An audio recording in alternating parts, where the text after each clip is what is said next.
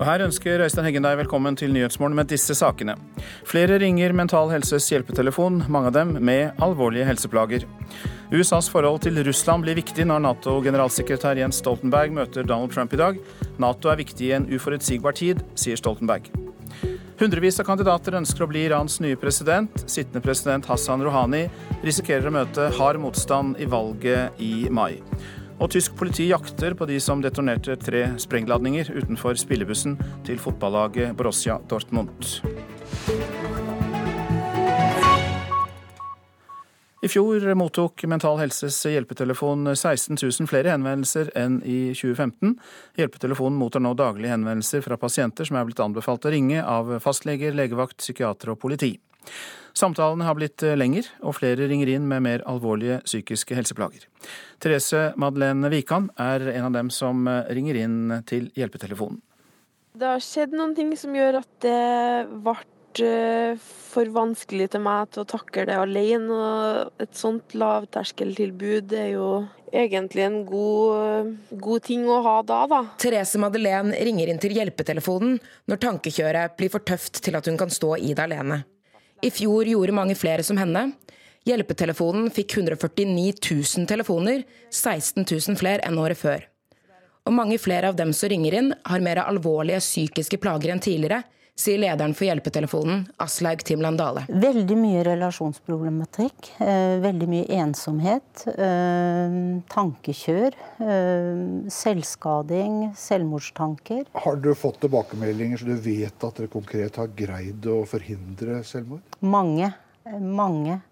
Og vi får også tilbakemeldinger fra studenter som sier hadde det ikke vært for dere, så hadde jeg slutta for lenge siden. Jeg hadde ikke håndtert det. Tim Landale tror økningen skyldes at stadig flere henvises fra det offentlige, fra leger, legevakten, psykiatere og politi, til hjelpetelefonen.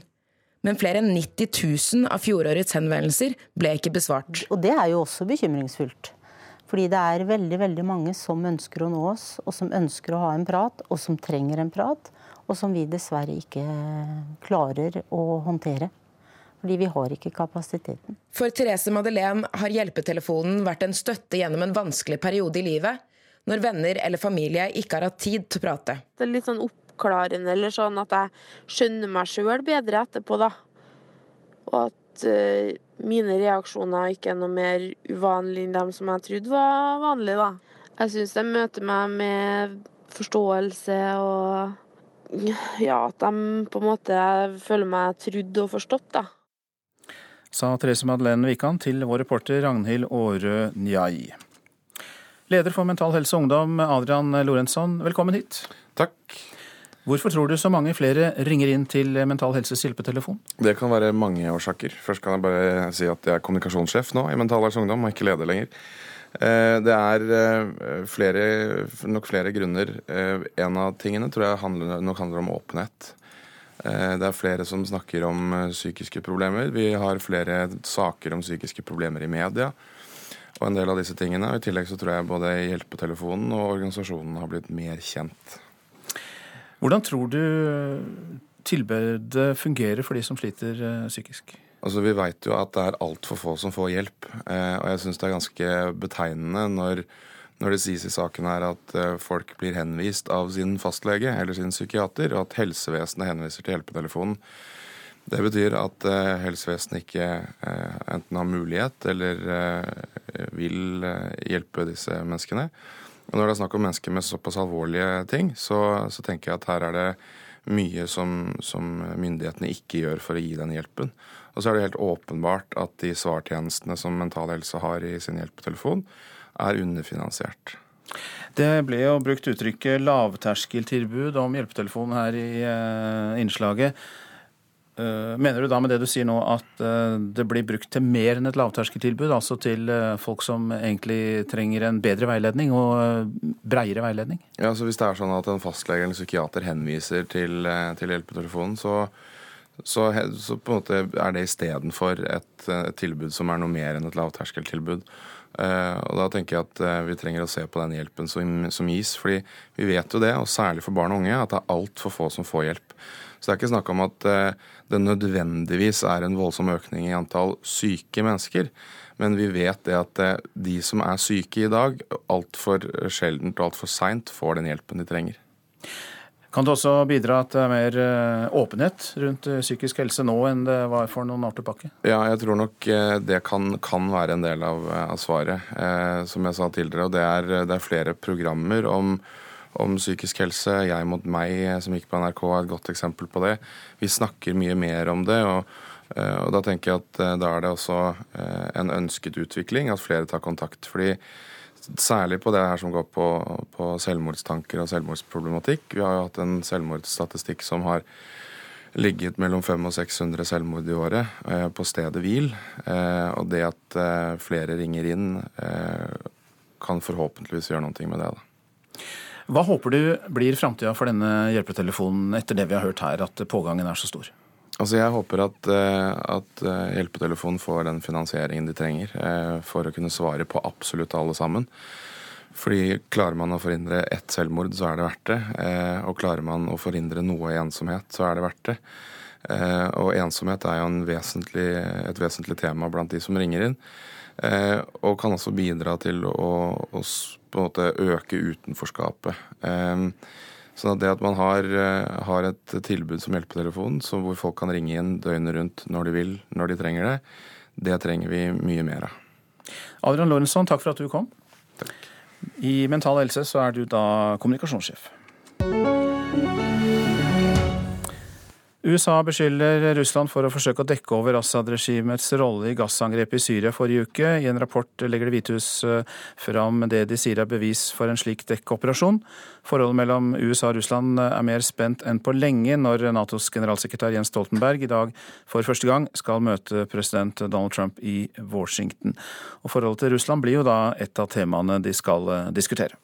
Det handler ikke minst om forhold til Russland. Hvordan kombinerer vi en sterk, eh, forutsigbar forsvarsallianse, men samtidig eh, unngår en ny kald krig, et nytt eh, våpenkappløp. Jens Stoltenberg møter i dag en amerikansk president som står midt oppe i sin mest dramatiske sikkerhetspolitiske uke siden han tiltrådte.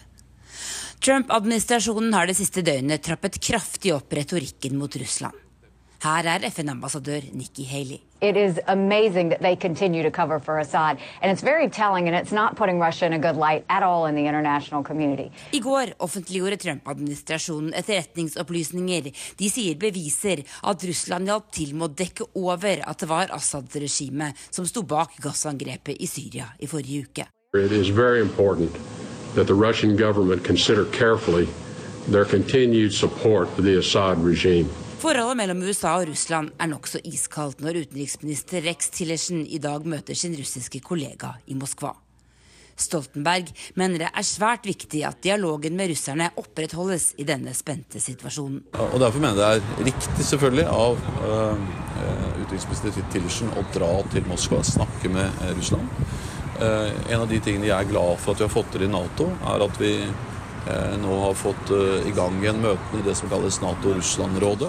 Donald Trump og Natos generalsekretær skal diskutere både Nato-finansiering, Syria, Russland og andre temaer når de møtes i Det hvite hus i kveld. Stoltenberg er ikke enig i at USAs nye administrasjon har vært uforutsigbar i sikkerhetspolitikken så langt. Det vi har opplevd eh, så langt, er et uh, veldig entydig og sterkt budskap uh, fra hele den nye administrasjonen. Fra presidenten, visepresidenten, hans forsvarsminister og utenriksminister om at de ønsker et sterkt Nato. De ønsker eh, at Nato skulle bidra mer i kampen mot eh, terror. Så eh, når det gjelder det Nato handler om, nemlig sikkerhet, så har det vært et veldig tydelig budskap fra amerikanerne hele tiden. Trump har sagt at det at Assad brukte kjemiske våpen, det er en trussel både mot USA og mot de allierte. Dersom man ber Nato om hjelp i morgen, hva sier du da?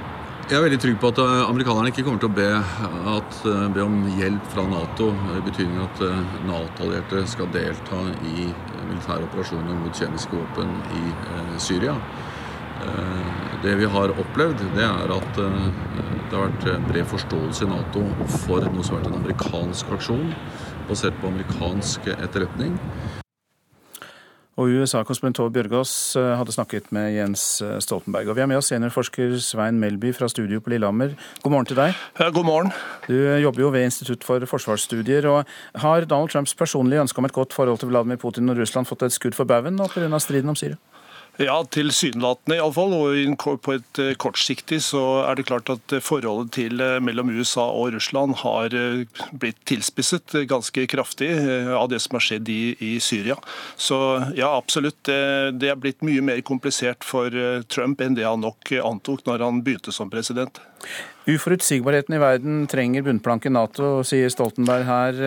Hva tror du Donald Trump mener om uforutsigbarhet? Er ikke det en karakteristikk ved mannen selv? Jo, nettopp. og Det er derfor jeg synes også jeg er litt uenig med Stoltenberg i hans karakteristikk av at eh, den amerikanske administrasjonen har opptrådt med forutsigbarhet. Det er Mitt inntrykk er at det er det motsatte. At man har hatt en administrasjon som man ikke helt vet hva har som hovedtilnærming når det gjelder USAs rolle internasjonalt. Og, og det er også ganske betydelig usikkerhet om hensyn til hvilken rolle kollektive ordninger som Nato skal spille. Og Her ser man også i denne Syria-saken at uh, ulike deler av administrasjonen snakker om ulike målsetninger om hva USA er ute etter i Syria. Så, så, jeg vil jo tro at uh, det Stoltenberg først og fremst burde få klarlagt, det er hvilken hovedtilnærming er det USA vil følge i sin utenrikspolitikk heretter, og hvilken rolle skal organisasjoner som Nato spille i gjennomføringen av amerikansk politikk. Fordi det har uh, blitt masse usikkerhet rundt forskjellige uttalelser underveis om Natos NATOs rolle. Det kan vel hende at Stoltenberg er nødt til å si at administrasjonen er forutsigelig. Eh, det er forventet av ham? Ja, det, jeg tror han, han, må jo kjøre på at eh, de som han oppfatter som eh, de sterke Nato-tilhengerne i administrasjonen, at det er de som styrer administrasjonens politikk. Altså Forsvarsminister Mattis og utenriksminister Tillersen har jo sammen med FN-ambassadør eh, Haley vært ganske klare i sin, sine utsagn. Men det som mangler, er jo klarhet fra presidenten selv. Og det er jo det som dette møtet med, med, mellom Stoltenberg og Trump i dag burde kunne bringe oss litt videre og få litt mer innsikt hva er egentlig Trumps eh, hovedtilnærming når det gjelder USAs rolle i verden?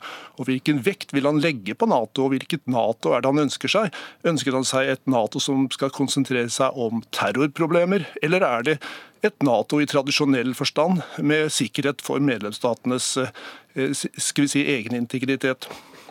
Ja, Etter annen verdenskrig så har USA bygd opp og deltatt aktivt i flere internasjonale institusjoner, det vet vi jo, og ikke minst Nato. Men um, er det noe som tyder på at han bryter den tradisjonen nå, eller, eh, eller følger han likevel et mer tradisjonelt spor?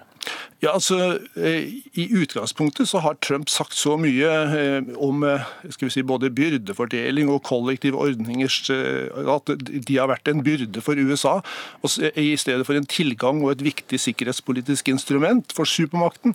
Så, så jeg syns det er riktig å konkludere med at hittil så har, har, denne administrasjonens øverste leder uttrykt seg på en slik måte at grunn til å, å, å si at han bryter med det som har vært hovedtradisjonen i amerikansk utenrikspolitikk siden andre verdenskrig. Burde Stoltenberg vært mer kritisk til Donald Trump før dette møtet? Veldig vanskelig, og jeg tror han driver et, selvfølgelig et taktisk spill og, og, prøver å støtte opp om de elementene i administrasjonen som, som vil ha et sterkt og tradisjonelt uh, type Nato. Og så, så, Dette er selvfølgelig et politisk spill og, og, og en avveining av hvordan man best oppnår å få Trump med seg. Mange takk skal du ha, seniorforsker Svein Melby ved Institutt for forsvarsstudier. Klokka nærmer seg 7.17. Dette er hovedsaker. I fjor mottok Mental Helses hjelpetelefon 16 000 flere henvendelser enn i 2015. Samtalene har blitt lengre, og flere ringer inn med mer alvorlige psykiske helseplager. Donald Trumps talsmann eh, Sean Spicer beklager ifølge CNN at han påsto at eh, Adolf Hitler ikke brukte kjemiske våpen under annen verdenskrig. Ifølge Det hvite hus eh, forsøkte ikke Spicer å redusere Nazi-Tysklands grusomheter i konsentrasjonsleire og eh, under eh, holocaust. Og vi har hørt at Jens Stoltenberg før møtet med Donald Trump sier at Nato er bunnplanken i en uforutsigbar tid. Nå til kampen om å bli Irans neste president. Nå pågår nemlig registreringen av kandidater, og bare i går var det 100 som meldte seg. Nåværende president Hassan Rouhani har ennå ikke sagt om han ønsker gjenvalg, men det er ventet at han vil det. Og Det siste året har Rouhani mistet flere støttespillere, og risikerer å møte hardere utfordrere, eh, harde utfordrere i valget i mai. Inn kom de på rekke og rad. Mennene, for i Iran er det bare menn i toppolitikken, satte seg alle ved hvert sitt lille bord i et stort lokale i Innenriksdepartementet for å registrere seg. Kvinner i svart chador satt bak bordene for å ta imot søknadsskjemaene fra kandidatene, som alle sikter mot Irans presidentembete. Pressekorpset fattet større interesse for enkelte, som da konservative Mustafa Mir Salim kom inn døren. Jeg vil tjene folket ved å bringe den islamske revolusjonen tilbake til dere, var Salims budskap. Men i den konservative leiren er det først og fremst Ebrahim Raisi som ses på som den sterkeste konkurrenten til sittende president Hassan Rouhani. Den geistlige Raisi har vært justisminister i ti år, under president Mahmoud Ahmadinejad. President Hassan Rouhani har hatt et krevende år. Da Donald Trump ble president, var det uklart hva som ville skje med atomavtalen som trådte i kraft i fjor. Rouhani har knyttet sin politiske skjebne til denne avtalen, og han vant valget i 2013 på løfter om å få Iran ut av isolasjonen. Trump har ikke revet i stykker avtalen slik han lovet i sin valgkamp, men Rouhani føler seg ikke sikker. Når det gjelder atomavtalen, er det ikke oss som kommer til å rive den i stykker først, fordi vi har undertegnet avtalen. Og Iran vil stå ved sine løfter. Men om en av partene går tilbake på sine løfter og river i stykker avtalen, kommer de til å angre på den feilen, sa Rohani i går. Det siste året har president Rouhani mistet tre av sine viktigste allierte. To av dem var mektige geistlige politikere som støttet Rouhani i valgkampen i 2013. Og den tredje og viktigste støttespilleren, Rafsanjani, etterlot seg et stort tomrom da han døde i januar i år. Ikke minst for Hassan Rouhani, som nå møter stigende kritikk for at han ikke greier å innfri forventningene om en bedret økonomi. Reformistene og de moderate ønsker å samle seg om Rouhani som sin kandidat. Men hovedpersonen selv er mer opptatt av USAs angrep mot syriske flybaser. Vi mener USAs handling er uakseptabel og må fordømmes. Men samtidig er det også helt galt å bruke kjemiske våpen, og det må også fordømmes, sa Irans president i går. Om sitt mulige presidentkandidatur sa han ingenting.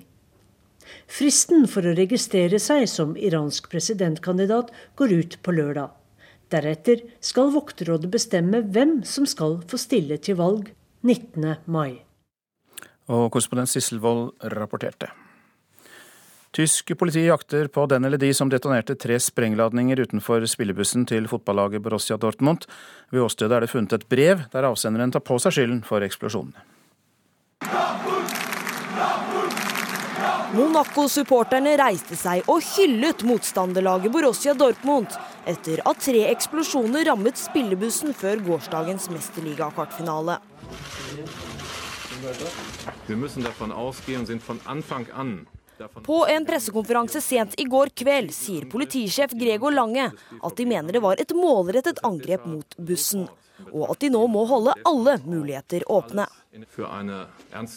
Tyske myndigheter sier de ikke har nok informasjon til å verken bekrefte eller avkrefte at eksplosjonene var linket til terror. På den samme pressekonferansen kunne statsadvokat Sandra Luce bekrefte at det er funnet et brev ved åstedet, hvor avsenderen tar på seg skylden for eksplosjonene.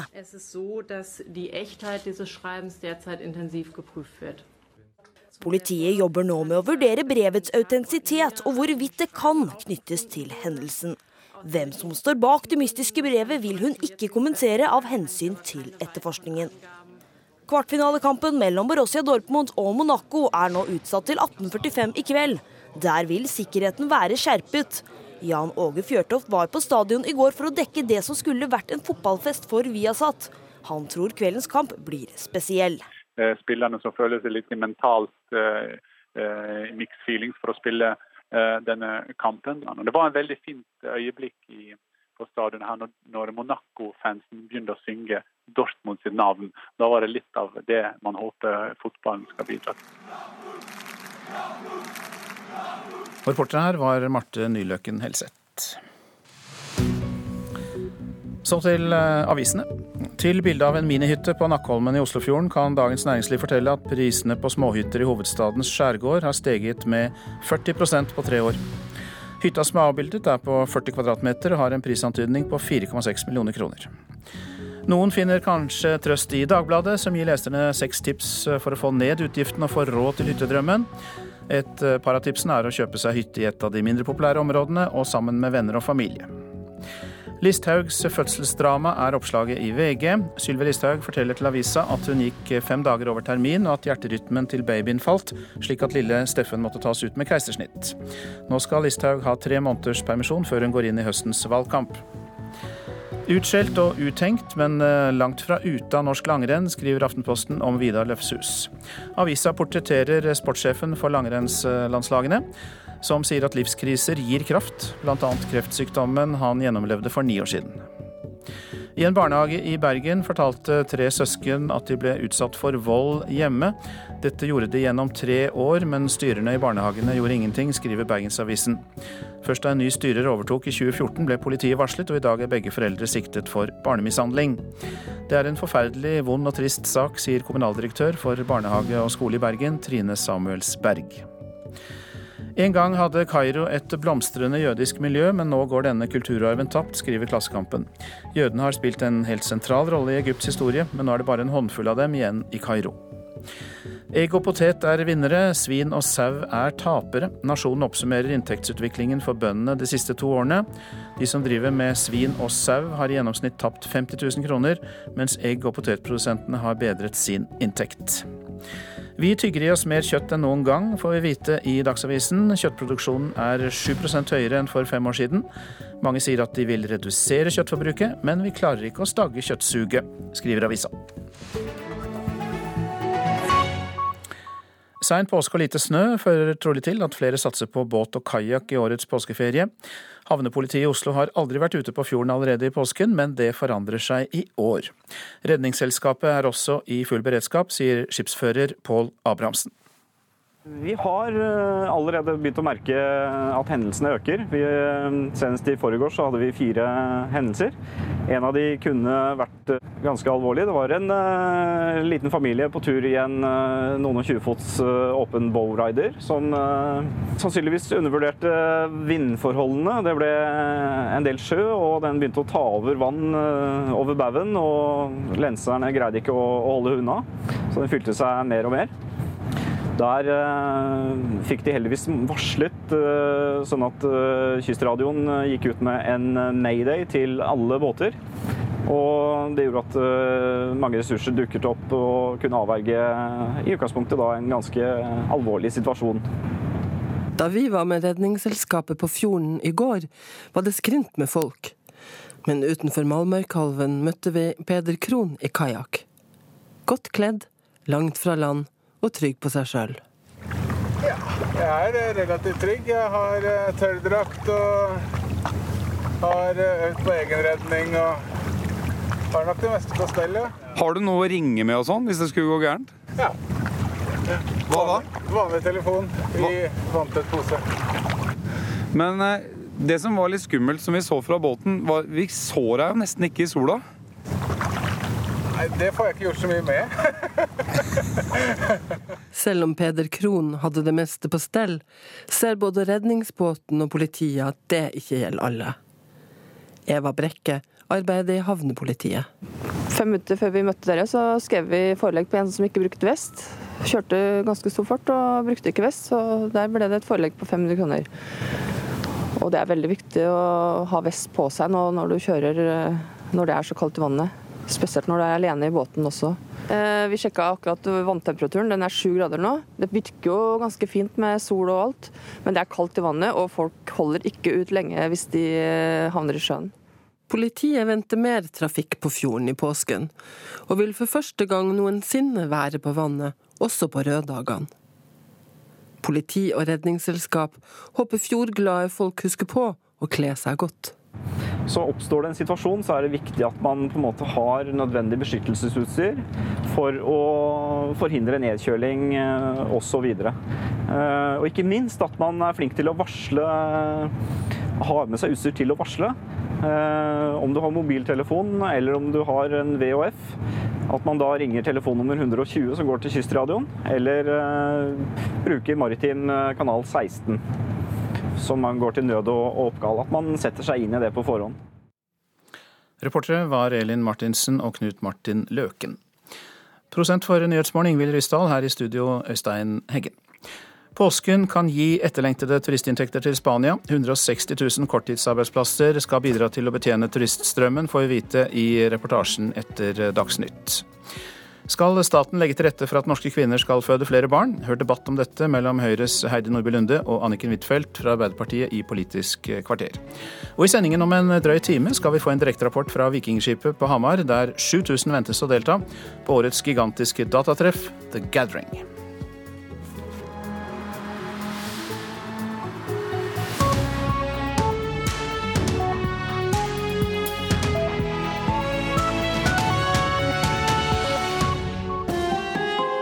Hør ekko.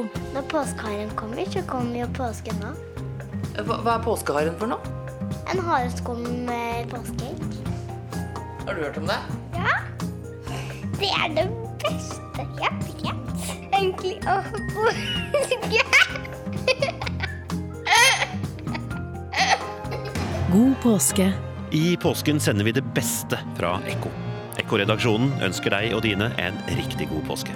God påske.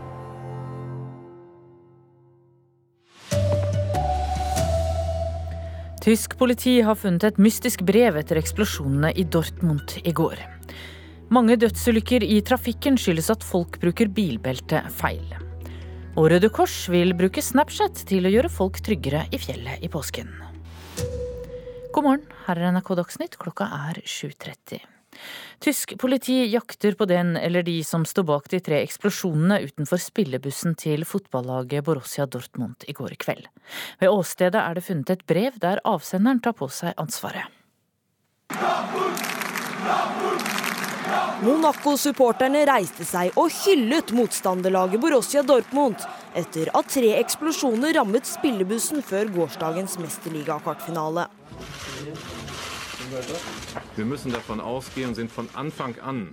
På en pressekonferanse sent i går kveld sier politisjef Gregor Lange at de mener det var et målrettet angrep mot bussen, og at de nå må holde alle muligheter åpne.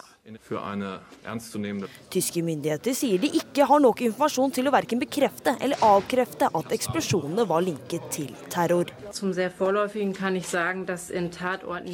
På den samme pressekonferansen kunne statsadvokat Sandra Luce bekrefte at det er funnet et brev ved åstedet, hvor avsenderen tar på seg skylden for eksplosjonene.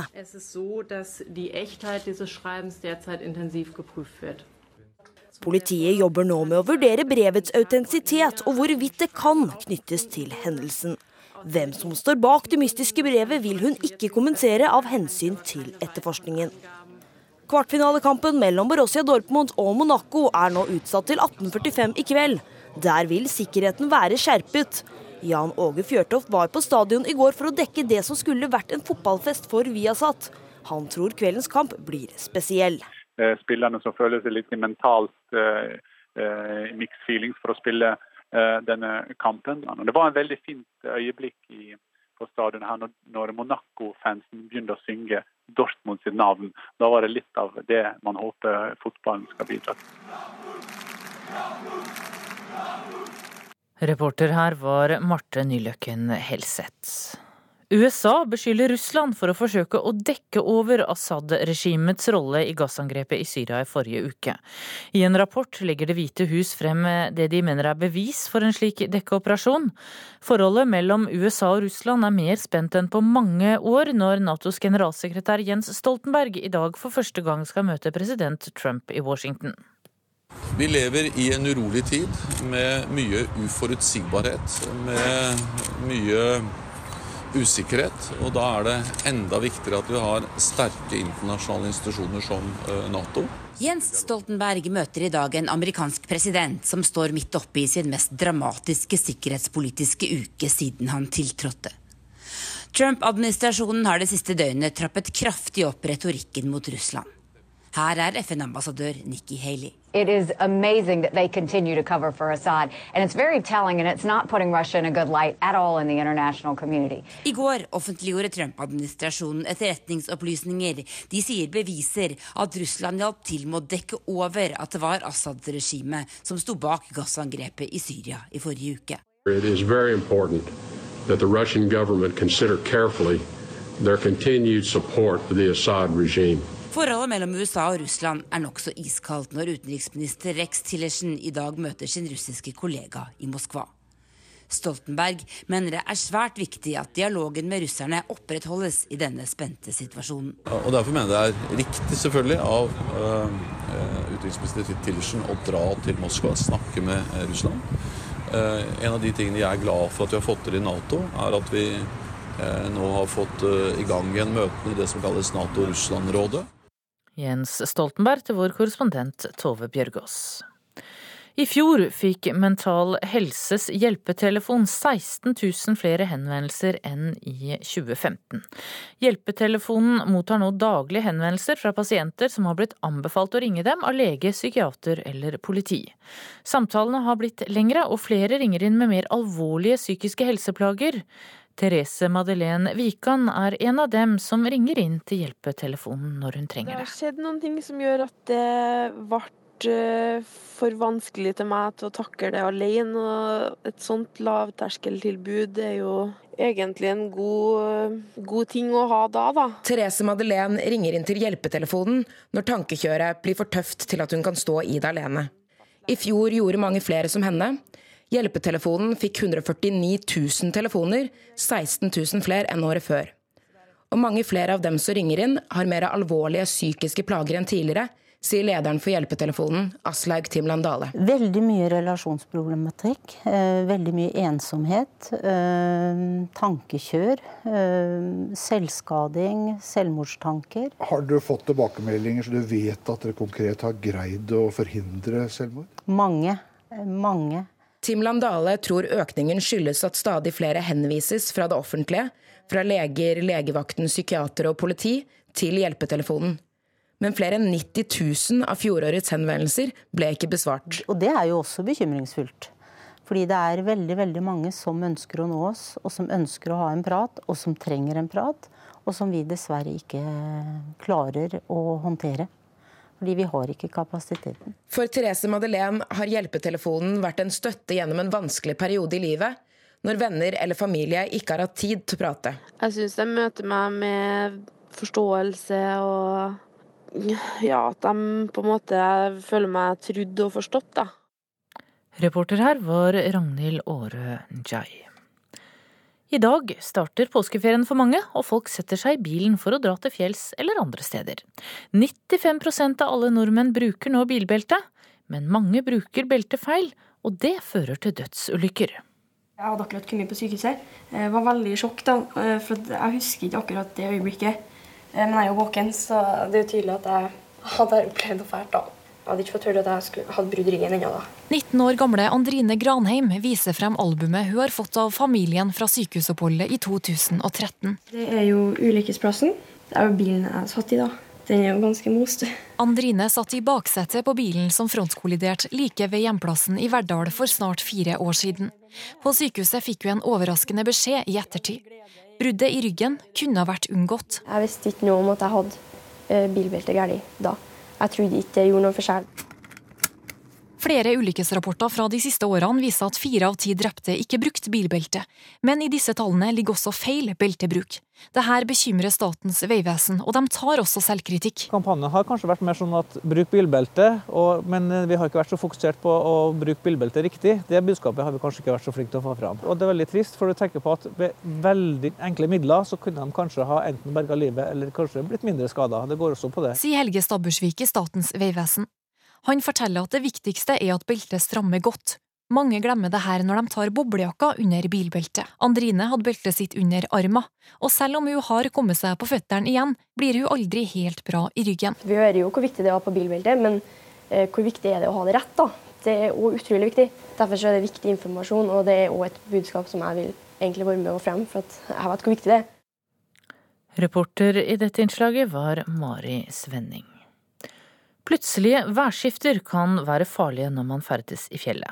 Nå har flere av hyttene til Den norske turistforening tatt i bruk Snapchat og andre sosiale medier for å kunne varsle om endringer i været. Værmeldingene er sjelden nøyaktige. Det sier Trine Marie Johansen. Sammen med kjæresten driver hun Skogedalsbøen turisthytte i Jotunheimen. En ser det ikke så veldig godt herfra, men det er faktisk litt rosa i horisonten i dag. Og der er en blå, stor flekk. Jippi. Det du hørte her, det var tirsdagens første værsnap fra Skogadalsbøen. Hyttevertene de mener at Snapchat og andre sosiale medier bidrar til å øke folks sikkerhet i fjellet. Fordi det blir lettere å nå ut til mange på en gang. Det er en god idé. Særlig når du går på ski fra hytte til hytte. Ja, det er jo det i hvert fall når du er ute og går på ski. Skifolket NRK møtte på Hafjell, de bruker iallfall sosiale medier. Og kanskje er det bra. I påsken i fjor måtte Røde Kors ut på 189 henteoppdrag, der folk ikke kom seg ned fra fjellet på egen hånd. Og det var like mange året før. Vi syns det er et spennende initiativ fra, fra, DNT. Det sier Sven Brun i Røde Kors. Selv om vi tror at det må være i tillegg til den vanlige varslingen. Vi tror det er viktig at folk eh, har rutine på å sjekke varsom.no, sjekke Yr, eh, høre på værmeldingen, eh, men så kan bruke sosiale medier i tillegg. Reportere her var Hanna Huglen Revheim og Line Marie Fosser Vogt. Ansvarlig for Dagsnytt Bjørn Christian Jacobsen og Tone Nordahl.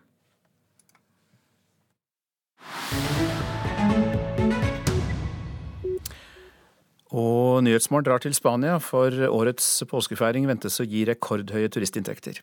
Det blir skapt rundt 160 000 flere korttidsarbeidsplasser i påsken i år enn i fjor. Og det er en god nyhet for det fortsatt kriserammede landet. Og påskeprosesjonene er fortsatt svært populære blant spanjolene.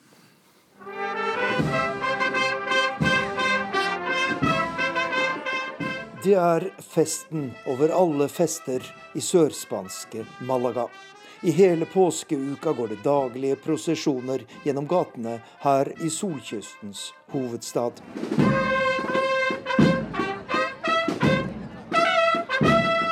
De spanske påskeprosesjonene er en tradisjon som går helt tilbake til middelalderen. I år er det slike feiringer i mer enn 50 byer over hele Spania, og bare her i Malaga går det mer enn 40 prosesjoner i løpet av påsken. Det er en svært viktig feiring for oss her i Malaga, sier den 55 år gamle Javier Sánchez. Men er dette først og fremst en religiøs markering, spør jeg. Både og, svarer han. Det er mange ikke-troende som deltar, men for meg handler det om at påsken er kristendommens viktigste høytid, sier 55-åringen. Den spanske påskefeiringen er en gullgruve for turistnæringen. I år ventes rundt to millioner besøkende fra utlandet, i tillegg til de spanske turistene. Det gir flere korttidsarbeidsplasser enn noen gang siden krisa rammet Spania for ti år siden. 160 000 flere enn i påsken i fjor. Vi har 90-95% belegg gjennom hele uken, sier Maria Diaz, som er resepsjonssjef ved hotell Ibis i sentrum av Malaga. Og det kommer alltid noen i siste liten, slik at dette blir en svært bra påske. Så vi har ansatt mange for å gi gjestene best mulig service, sier hun. Noen jobber er finere enn andre. Og nå i påskeuken er det én jobb folk betaler for å gjøre. Å bære de praktfulle religiøse figurene gjennom gatene.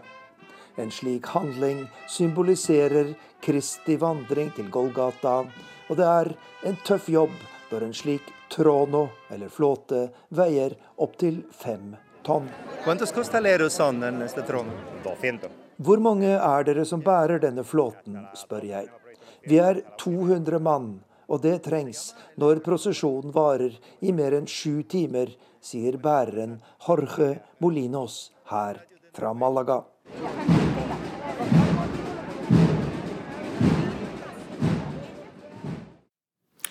Og det var Arnt Stefansen som rapporterte fra sørspanske Malaga. Trygve Lie.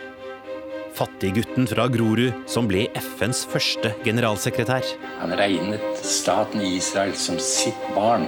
Men også en kontroversiell skikkelse i norsk og internasjonal politikk. Trygve Lie var selvsagt ikke objektiv. Som erobret verden, for så å bli frosset ut. I am stepping aside because I hope this may help the United Nations to save the peace. Trygve Lie. I morgen klokka ni på NRK P2. Hovedsaker i Nyhetsmorgen. Tysk politi jakter på den som sto bak de tre eksplosjonene utenfor spillebussen til fotballaget Borussia Dortmund i går kveld. Ved åstedet er det funnet et brev der avsenderen tar på seg ansvaret. I fjor mottok Mental Helses hjelpetelefon 16 000 flere henvendelser enn i 2015. Samtalene er blitt lengre, og flere ringer inn med mer alvorlige psykiske helseplager. USA beskylder Russland for å dekke over Assad-regimets rolle i gassangrepet i Syria forrige uke. Forholdet mellom Russland og USA er spent når Natos generalsekretær Jens Stoltenberg i dag for første gang skal møte president Donald Trump i Washington. Og plutselig værskifte kan være farlig når man ferdes i fjellet, så nå har flere av hyttene i Den norske turistforening tatt i bruk Snapchat og andre sosiale medier for å kunne varsle om endringer i været så fort som mulig. Nå er det Politisk kvarter, og det er i dag ved Håvard Grønli.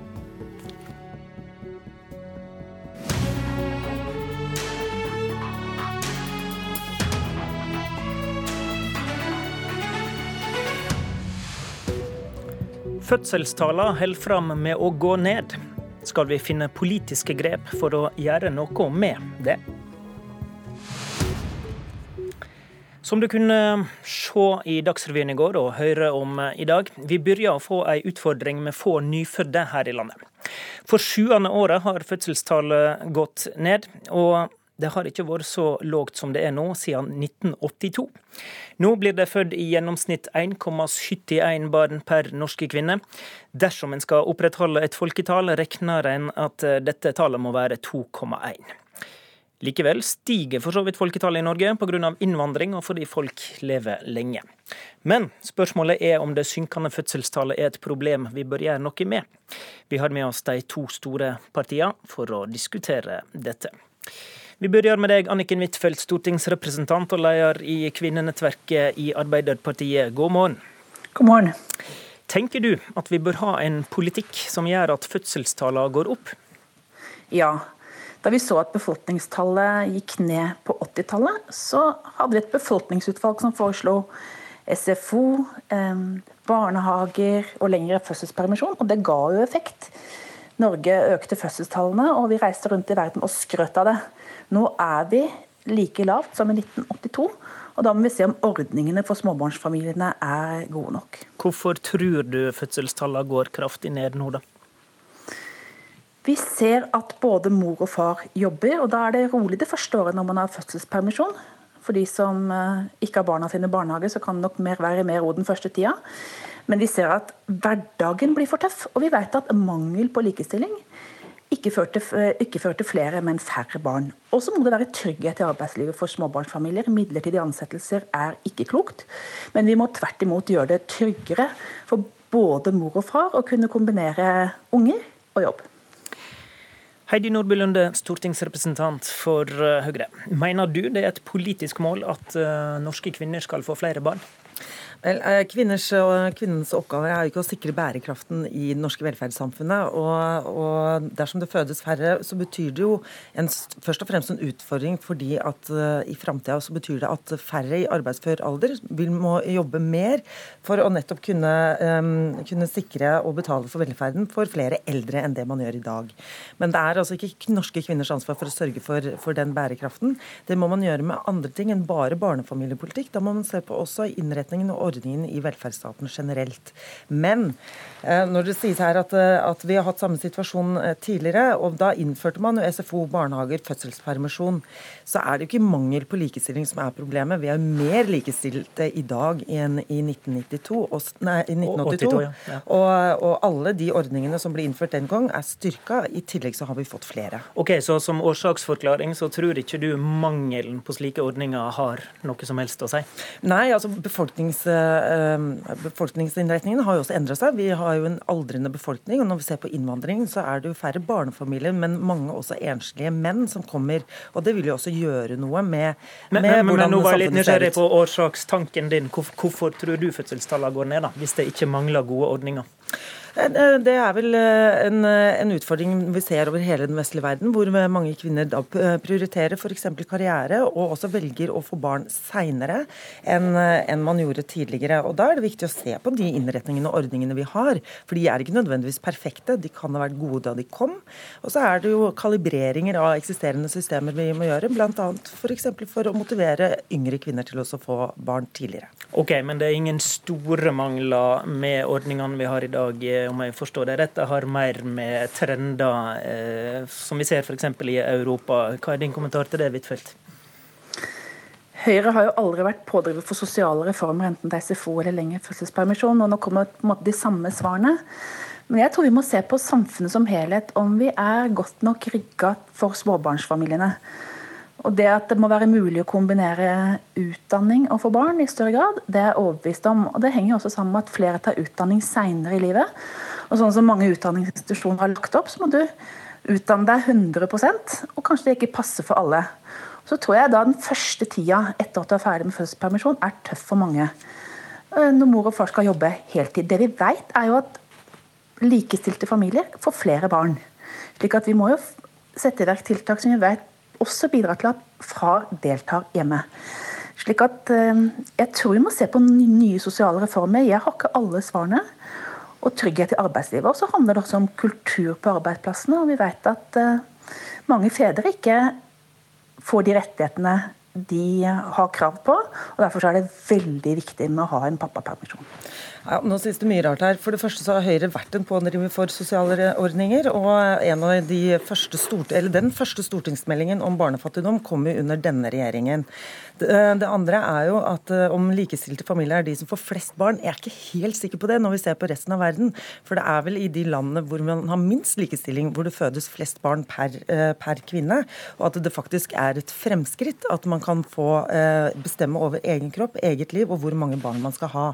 Men så er jeg helt enig med Huitfeldt i én ting. Det å se på hva man kan gjøre for unge foreldre, og det å oppmuntre til f.eks. å kombinere det å studere og å bli foreldre. Det har Høyre allerede vedtatt. Vi har vedtatt å øke engangsstøtten for unge foreldre som ikke har opparbeida seg rettighetene i arbeidslivet. Og også forbedre støtteordningen til studenter med barn. Det er jo mulig å kombinere jobb og det å få barn i dag, så det burde være mulig å kombinere det å studere og få barn. Men la oss ta dette likestillingspoenget, da, Huitfeldt. For eh, du har jo skrevet før også at eh, fødselstallet er en indikator på om likestillingspolitikken fungerer, eh, i en kronikk på NRK for et par år siden. Men eh, og Det meste jeg finner i Arbeiderpartiets program på, programforslag på dette området nå, det handler jo om økt likestilling. Men selv om det er en intensjon som er god, kan det ikke være en målkonflikt der? At et eh, resultat av å styrke likestillingspolitikken øker kvinners yrkesdeltaking mer enn at du får flere barnefødsler? Det vi har sett fra eh, Norge, er jo at familier som er likestilte, at de får flere barn. og Det er det vi må sammenligne med, ikke med resten av verden. Men vi har også sagt i vårt program og vi har ikke alle svarene. Vi må se på ordninger som eh, bidrar til at det blir mer tid for småbarnsfamilier den første tida. Og det som er hva, hva, er det du, hva er det du tar til orde for da, egentlig? Er det, er det mer permisjon? Det... Ja, det kan det være, men først og fremst så tror jeg det handler om å ha ikke så tøff arbeidshverdag. At man både mor og far må kunne jobbe noe mindre den første tida. Jeg har ikke alle svarene her, men problemet med kontantstøtten er jo at den kun gir tid til de som ikke har barna i barnehagen. Slik at vi må se på ordninger som gjør at hverdagen er lettere. Og så må jeg si at eh, Heidi Lunde Nordby tar feil. Høyre har jo stemt mot SFO, var mot makspris i barnehagen. Så det at Høyre har vært mot sosiale reformer som har gjort hverdagen lettere for barnefamilier, det har vi sett mange ganger. og Vi må møte det med politikk og holdninger også i dag. Ok, jeg parkerer akkurat den der eh, sånn litt, så skal vi fortsette heller med dette spørsmålet om lave fødselstall handler om økonomi. For det mener Høyre-nestor eh, Kåre Willoch. Jeg tenker at det viser at veldig mange yngre mennesker føler at de har dårlig råd. De har ikke råd til å få så mange barn som man må tro at mange ønsker seg. Hovedsaken er jo familier med barn må få tilfredsstillende økonomi. Nå sier jo du Nordby Lunde, at ordningene er gode nok. Eh, tenker du Willochs analyse er feil? Jeg, jeg, mener jo at Hvis man ser på samfunnet i dag, så har vel aldri barnefamiliene fått så mye tilførsler som de gjør i dag. Vi bruker jo 19 milliarder i året på bl.a. Uh, permisjonsordningen, som er en av verdens beste. Og gjennom barnehagereformene så har du jo hatt den største netto overføringen til uh, barnefamiliene de siste 20 åra har gått til dem. Men, men, han er særlig opptatt av det som skjer etter uh, den første tida og barnehagetida. F.eks. i barnetrygddebatten som var intens på Høyres landsmøte. Har han rett i det? Jeg mener at han ikke har det. Nå, nå vet jo ikke Høyre på landsmøtet at, sk at, vi skulle beholde barnetrygden, men også da se på, uh, på andre målretta tiltak for familier med svak økonomi. Og jeg mener jo at Man skal jo kunne planlegge sitt eget liv og sin egen familietilstand på den måten at du, du har økonomi til å kunne ha, ha barn. Men, men, men, han, men Willoch altså. snakker ikke bare om de fattigste barnefamiliene. Han er opptatt av barnefamilier generelt, og peker bl.a. på at barnetrygden må opp. Og det kan jo ha noe å si for om folk velger å få barn nummer tre, f.eks., som ville gjort noe med fødselstallet? Det kunne, kunne, det ha. Men, eh, og barnetrygden har vært en veldig god innretning siden den kom, og løftet veldig mange barnefamilier opp fram til i dag. Så er spørsmålet om det er den mest effektive ordningen i dag for å kunne planlegge for å få barn nummer to eller tre. Jeg mener at man må se på flere ting. Barnetrygden alene er ikke den ene, eh, ene sannheten her. Okay, men, men, men, det, men det du sier at, om, om, Jo, men bare for å forklare dette klart. Du, du, du tenker ikke at en skal styrke barnefamiliers økonomi mer. Per i dag så, så har jo den stått stille i, i 20 år og, og ikke blitt, blitt, økt. Og den har relativt lite å si for de barnefamiliene som i dag har en relativt grei økonomi. Så har den mer å si for de barnefamiliene som er svakere stilt. Og da må vi se på om vi kan målrette de tiltakene mot de barnefamiliene som ikke har sterk økonomi i dag, og heller fokusere der. Ok, Hva tenker du om dette, Huitfeldt? Er økonomien en så, for barnefamilier en så viktig sak at en bør bedre den? Ja, men jeg er ikke sikker på om økt barnetrygd er det viktigste. Nei, Dere SFO... har jo stått sammen om å fryse den i 20 år, så. Ja, for, for det første vil Jeg si at jeg er glad for at Kåre Willoch engasjerer seg. fordi at Fødselstallet i Norge var jo veldig lavt da han var statsminister. Han så at vi måtte gjøre noe. Og Da tror jeg først og fremst at det handler om eh, prisen på fritidsaktiviteter. Det handler om SFO, det handler om velferdstilbud som omfatter alle. Jeg prioriterer i hvert fall det foran økning i eh, barnetrygd. Men vi må se på alt. Og nå får vi jo noen tall fra Statistisk sentralbyrå som kan kanskje gi oss noen svar på hvorfor fødselstallene i Norge går ned. Da må vi finne tiltak som vi vet er effektive. Nordby Lunde, du eh, har eh, vi hørte i dag eh, vært litt sånn tilbakeholden med hvor langt staten skal gå i å blande seg inn i dette. Mener du det er prinsipielt galt å lage en politikk som legger til rette for mer flere fødsler? Nei, det er ikke prinsipielt galt å legge til rette for flere fødsler, men samfunnet er der først og fremst for å styrke enkeltmennesket og, og, gi like muligheter til valg, både til kvinner og, og menn. Eh, og ikke styre de valgene til verken enkeltmennesker eller barnefamilier. Så hvis vi da klarer å identifisere faktiske forhold som, eh, som gjør at eh, man ikke velger å få barn i dag, og nå snakket jo du nylig, eller i, i stad om barn nummer tre, så folk velger jo da å få barn, og så er det jo barn nummer tre det står på. Um, men hvis det finnes da reelle hindringer, så må vi se på hvordan vi kan inn, gjøre om på de innretningene vi har. Men vi har allerede svært mange støtteordninger, enten det går på SFO, billigere barnehager til de med svak økonomi, tilrettelagte fritidsaktiviteter med de med, med svak økonomi. Så, så, her gjør vi mye allerede. Da er spørsmålet om dette treffer godt nok. Og så er det jo nettopp det at eh, det er ikke kvinners eller familiens oppgave å sørge for bærekraften i velferdsstaten. Det må også kunne gjøres på andre ting, nemlig da se på velferdsstatens eh, innretninger og sosiale ordninger ellers. Mm. Men i perspektivmeldinga som regjeringa nettopp eh, la fram, så står det å lese at uten endringer vil offentlige utgifter overgå inntektene om mindre enn 15 år. Vil det ikke egentlig da være en fornuftig løsning på slike langsiktige problem å sørge for at vi forynger befolkninga og, og, og, eh, får flere skattebetalere gjennom politiske grep? jo da, men som sagt, det er ikke kvinners oppgave å sørge for bærekraften i velferdsstaten. Der, der går grensa di. men, men uh, som du sier, altså, perspektivmeldinga forutsetter jo at man ikke gjør noe med velferdsstaten slik den er organisert og innretta i dag. Det mener jeg at vi har stor anledning og god anledning til å gjøre noe med. Den er ikke perfekt perfekt eh, sånn som den er i dag. Og det er mange grep man eh, kan gjøre. Og barnefamiliene og tilrettelegge for at flere velger å få barn, det kan være én del av løsningen, men det er ikke den ene alene-løsningen. Til slutt, eh, Huitfeldt. Vi nevnte i starten at folketallet det vokser faktisk i Norge. fordi vi lever lenger, og fordi det, vi får mange innvandrere.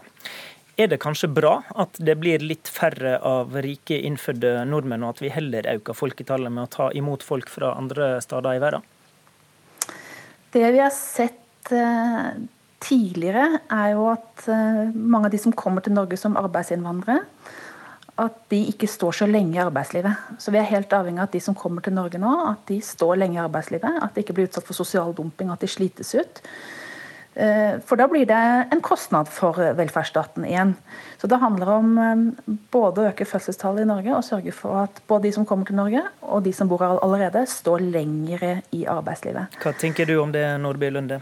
Det, kan det være bra at vi ikke har så høye fødselstall og heller tar imot andre? Nei, jeg syns det blir en tullete motsetning. Men jeg vil jo oppfordre Arbeiderpartiet Er ikke den ganske reell, da? Den, nei, det syns jeg, synes jeg ikke. Men Arbeiderpartiet som nå går inn i, i neste uke går inn i landsmøtet, kan jo se på hva Høyre vedtok eh, på sitt landsmøte for å støtte unge foreldre til å ta disse valgene tidligere. og De er velkommen til å følge oss i den politikken. Da fikk Anniken Huitfeldt den uh, oppfordringa på tampen. Med det ønsker Politisk kvarter god påske. Vi er tilbake tirsdag etter uh, påske med våre vanlige sendinger 7.45. I studio i dag, Håvard Grønli.